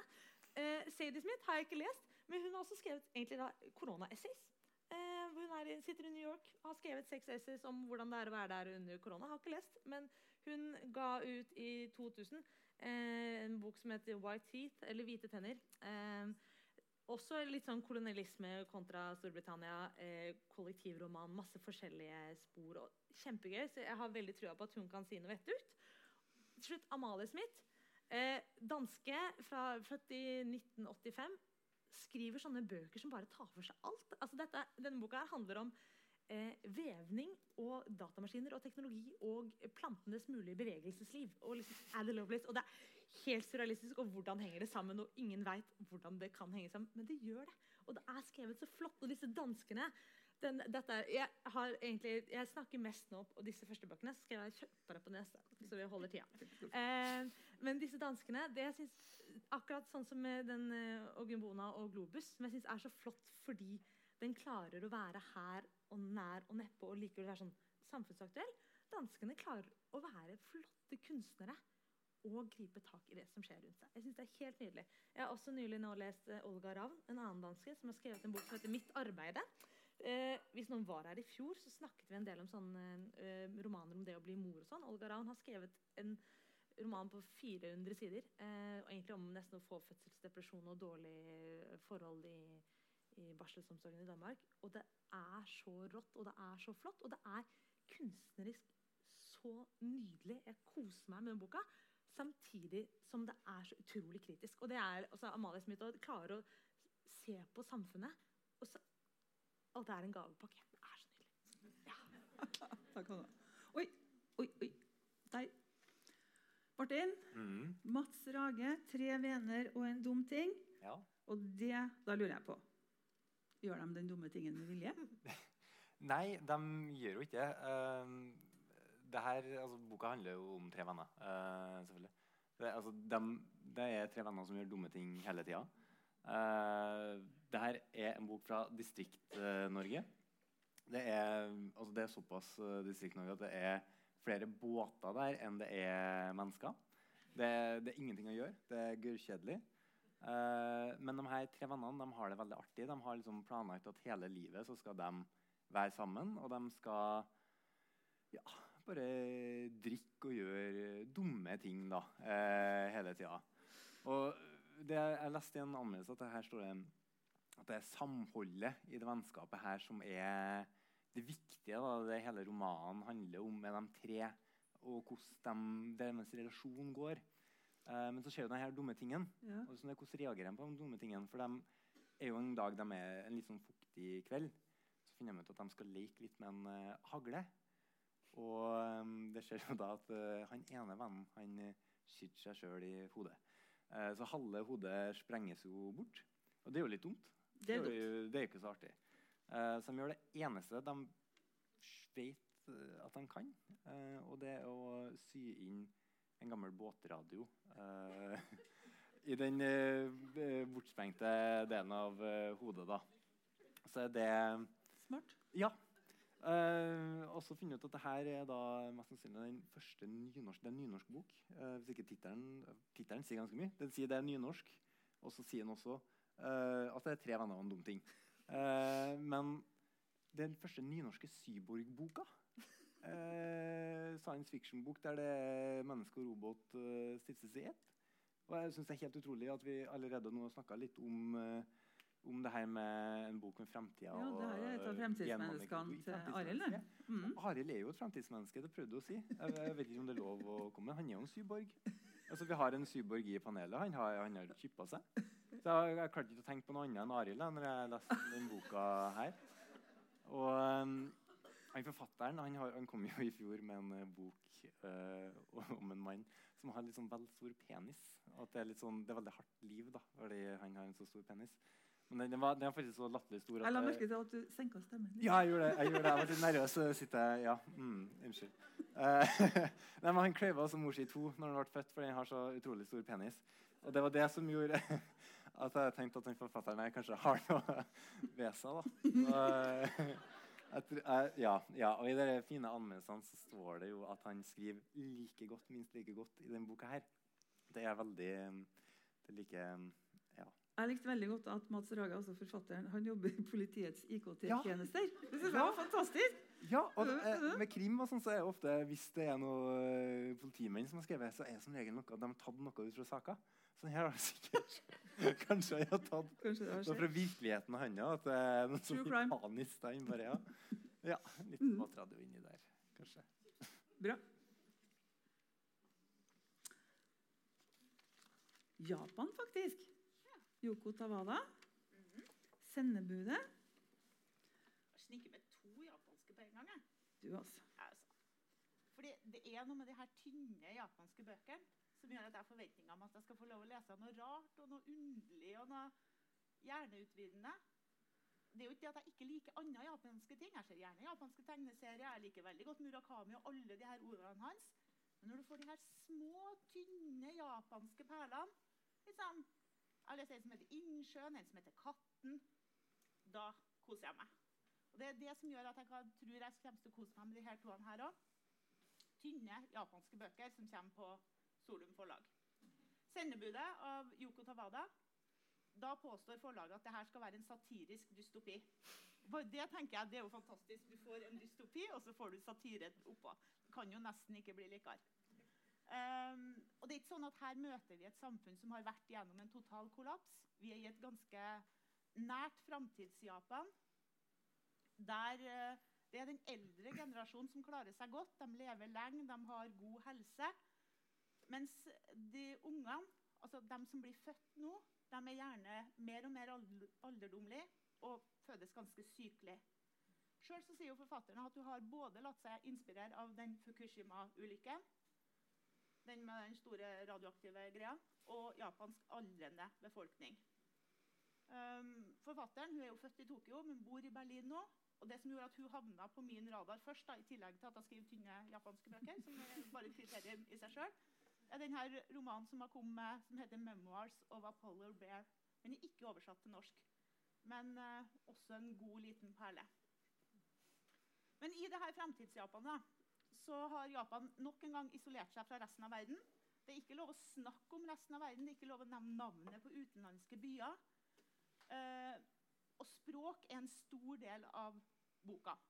Så jeg er veldig spent på hvordan oversettelsen klarer det her. For en av hovedpersonene i boka heter Mumei, som på japansk har jeg lest i anmeldelser, betyr inget navn. Og det er klart det gjør noe med lesinga di når du på en måte stadig møter en person som heter inget navn. Den følelsen vil du aldri få når du leser boka på norsk. Vil det her holde seg, eller vil vi føle at det er mangelfullt? Men likevel så tenker jeg satirisk dystopi på 150 sider. Det må jo være bra. Samme hva. Den andre, da, som heter 'Heaven', der er det jo for at jeg har lest en annen bok av hun Mieko Kawakami. Hun har på norsk kommet med ei som heter 'Pupper og egg'. Fantastisk liten bok, det òg. Og det er på en måte den her råskapen, den her råe kroppsligheten som jeg har fått lese om i første boka. Jeg håper å finne igjen her òg. Nå må jeg nok si at jeg er ingen, egentlig en stor fan av sånne problematiske oppvekstromaner med en touch av mobbing, som forlaget skriver om denne boka. Men likevel så har jeg tro på det fordi første boka var såpass god.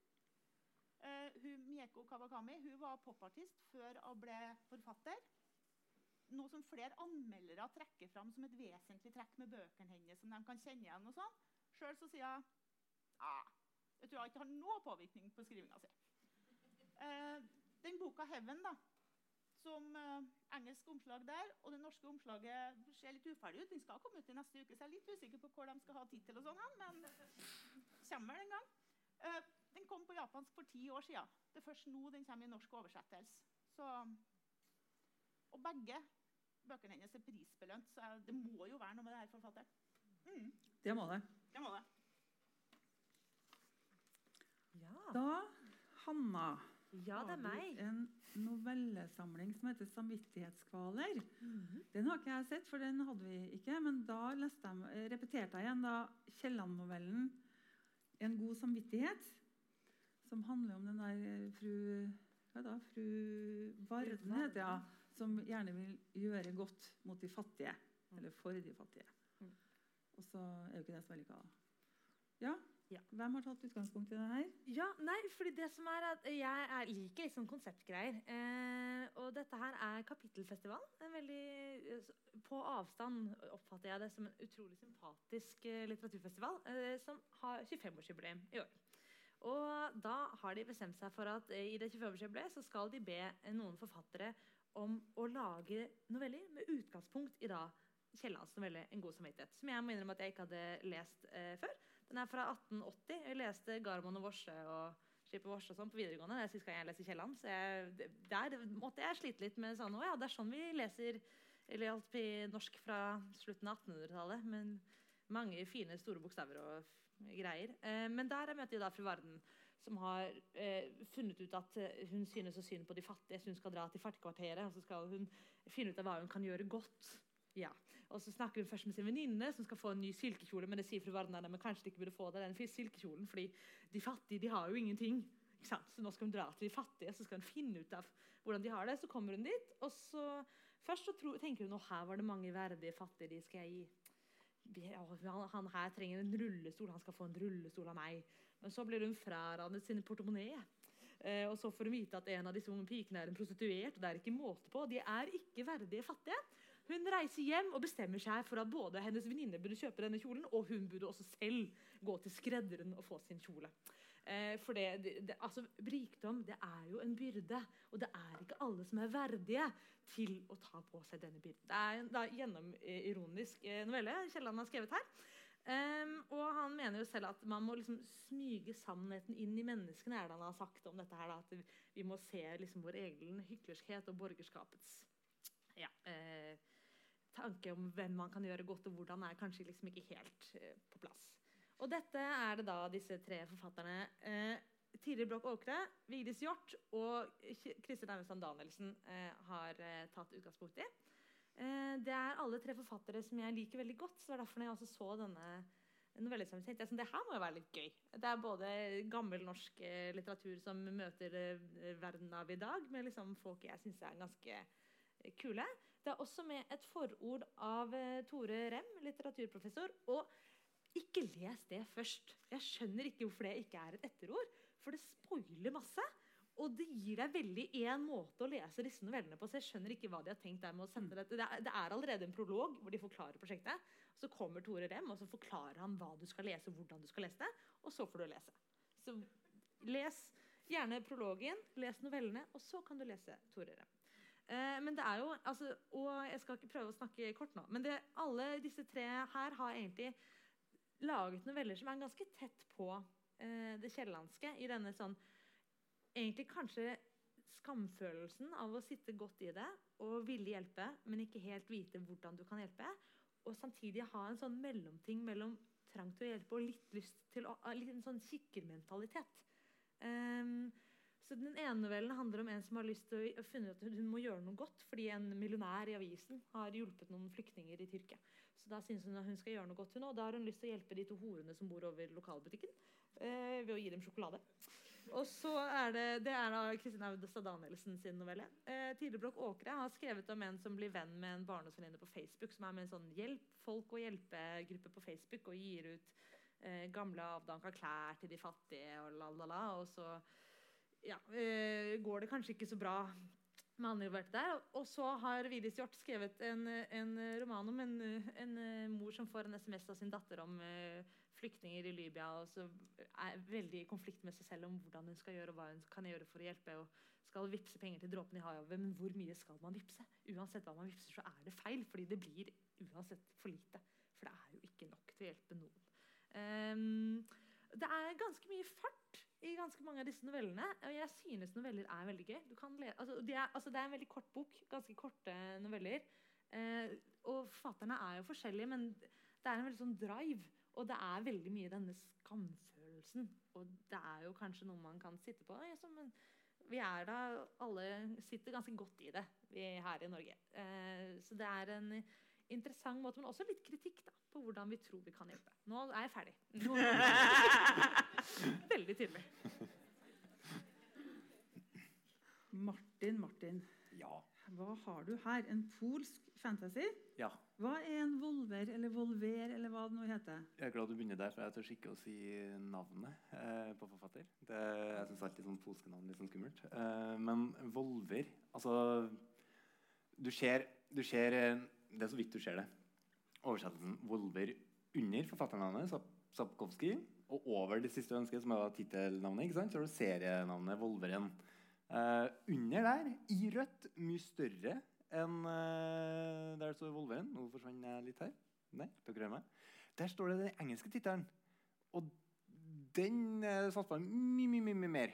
Så det er sånn, kunne jeg egentlig Volveren kunne jeg egentlig bare hett The Witcher på norsk òg, syns jeg.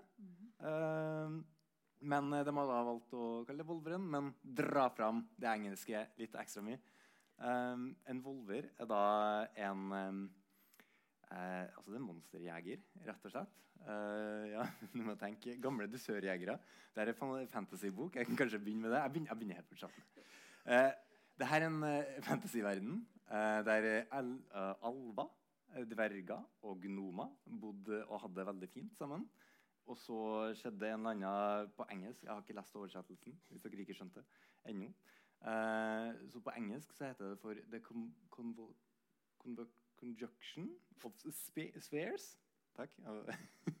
Jeg kan engelsk. Eh, som gjør at dimensjonene eh, for litt sammen, og inn datt menneskene inn i den verden her. Og også monstre fra monsterdimensjonen. Så du har eh, vampyrer, varulver Du har masse, masse sånn eh, skumle vesen. Og da eh, selvfølgelig menneskene tar overalt. Vi formerer oss som gale. Eh, nå er det her i vår verden. Eh, alver, dverger. Dere drar til noen sånne gettoplasser inni byene våre. Der kan dere bo.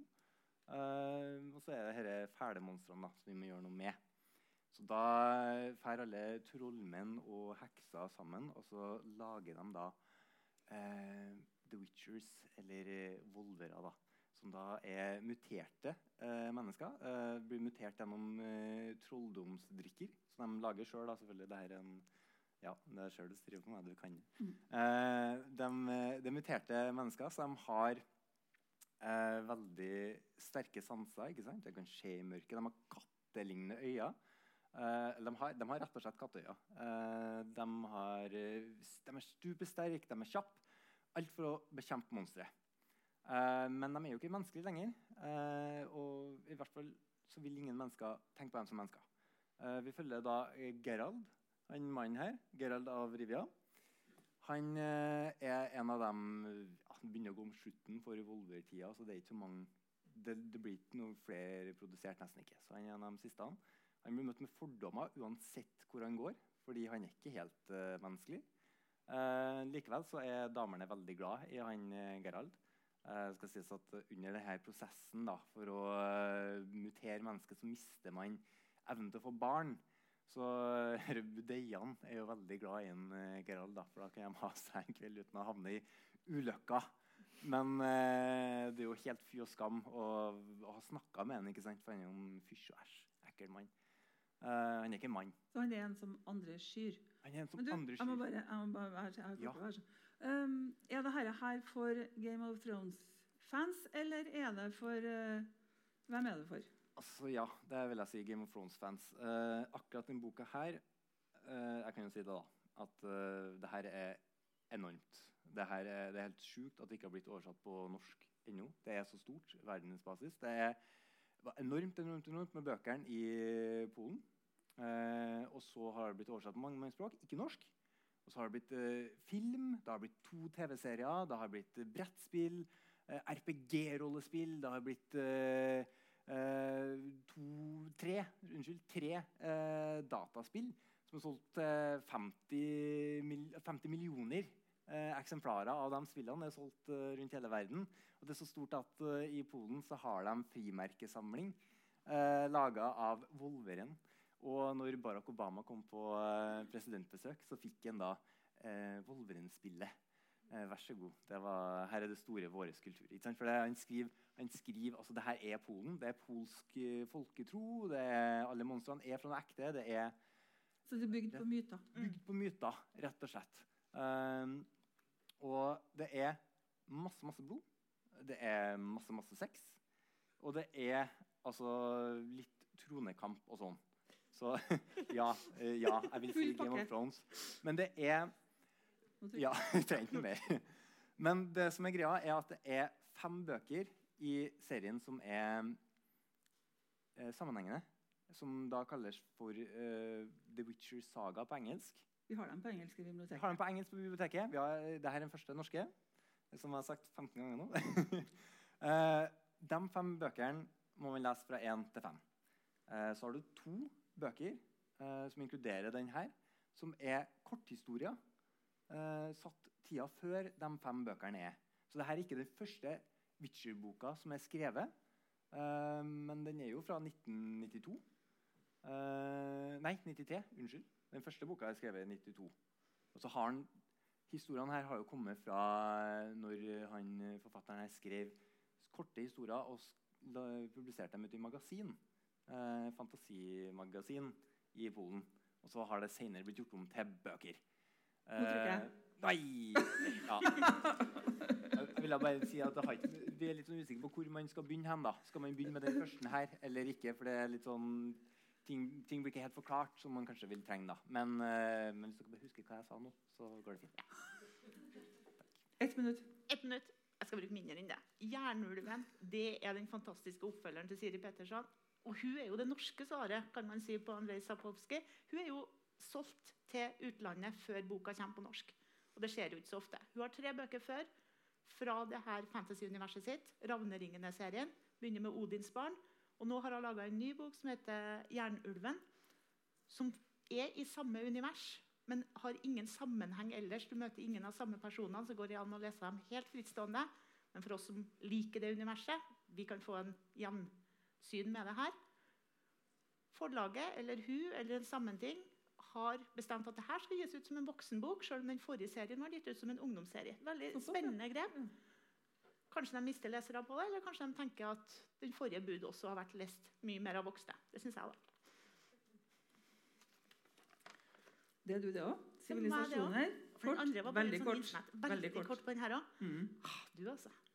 Um, 'Sivilisasjoner' av han Laurent Bier. Um, jeg er litt usikker da, på om det er lov å håpe at han har latt seg inspirere av dataspill. Og det er ikke sånn at jeg er noen hardcore gamer, eller noe sånt, men jeg har brukt både dager og uker, kanskje forhåpentligvis ikke år, på å spille Civilization. Som er et sånt spill der du får lov å bygge verden. Du velger deg hvilket land eller leder du vil være.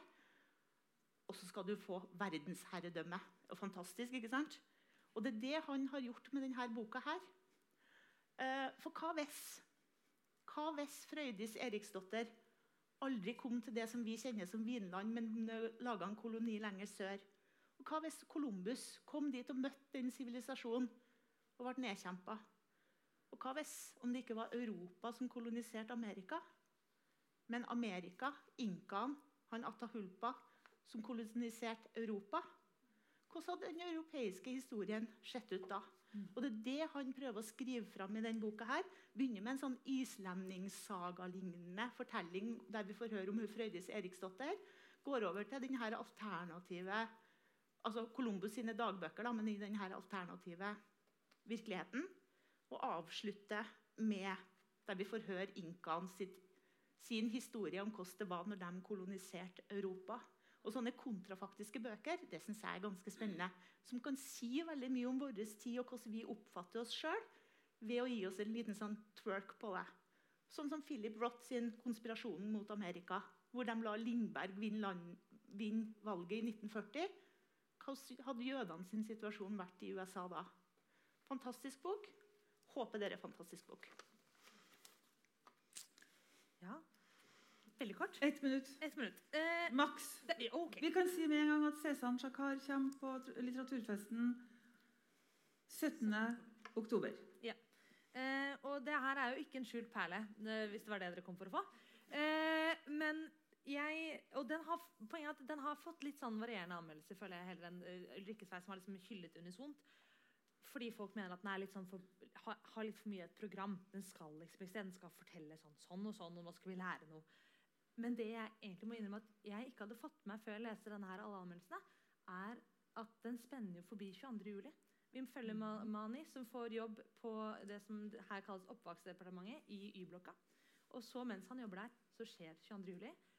Og skildringene av byråkratiet etter 22. juli er jeg, er, altså, jeg skriver også mye søknader for Folkebiblioteket for de som ikke jobber her. Em, og det er noe med sånn byråkratispråk som jeg faktisk synes er litt sånn spennende. For det er noe interessant med hva vi tror vi er, og hva vi vil være, og hva vi sier at vi skal være, og hvordan man gjør det. Eh, jeg synes det er veldig veldig spennende, så jeg tenkte jeg skulle lese eh, Hvis jeg klarte å finne riktig sted, da. Eh, det gjorde jeg tydeligvis ikke. 188. Eh, veldig veldig kort. Jeg skal prøve å lese raskt. men det er egentlig mest det at fordi Denne boka handler jo veldig mye om han Manis selvoppfattelse. for han, møter, han kommer fra BI og har lyst til å være de kule gutta og jobbe i Barcode. Og så møter han på en måte eh, Departements-Norge, som er egentlig kanskje ikke BI-studentene, men mer liksom Blindern-folka. Eh, som har helt andre verdier og tanker. Så han må liksom revurdere hvem han skal være. Og så kommer 22. juli, og så føler jeg at liksom hele byråkratiet burde revurdere hva vi skal være.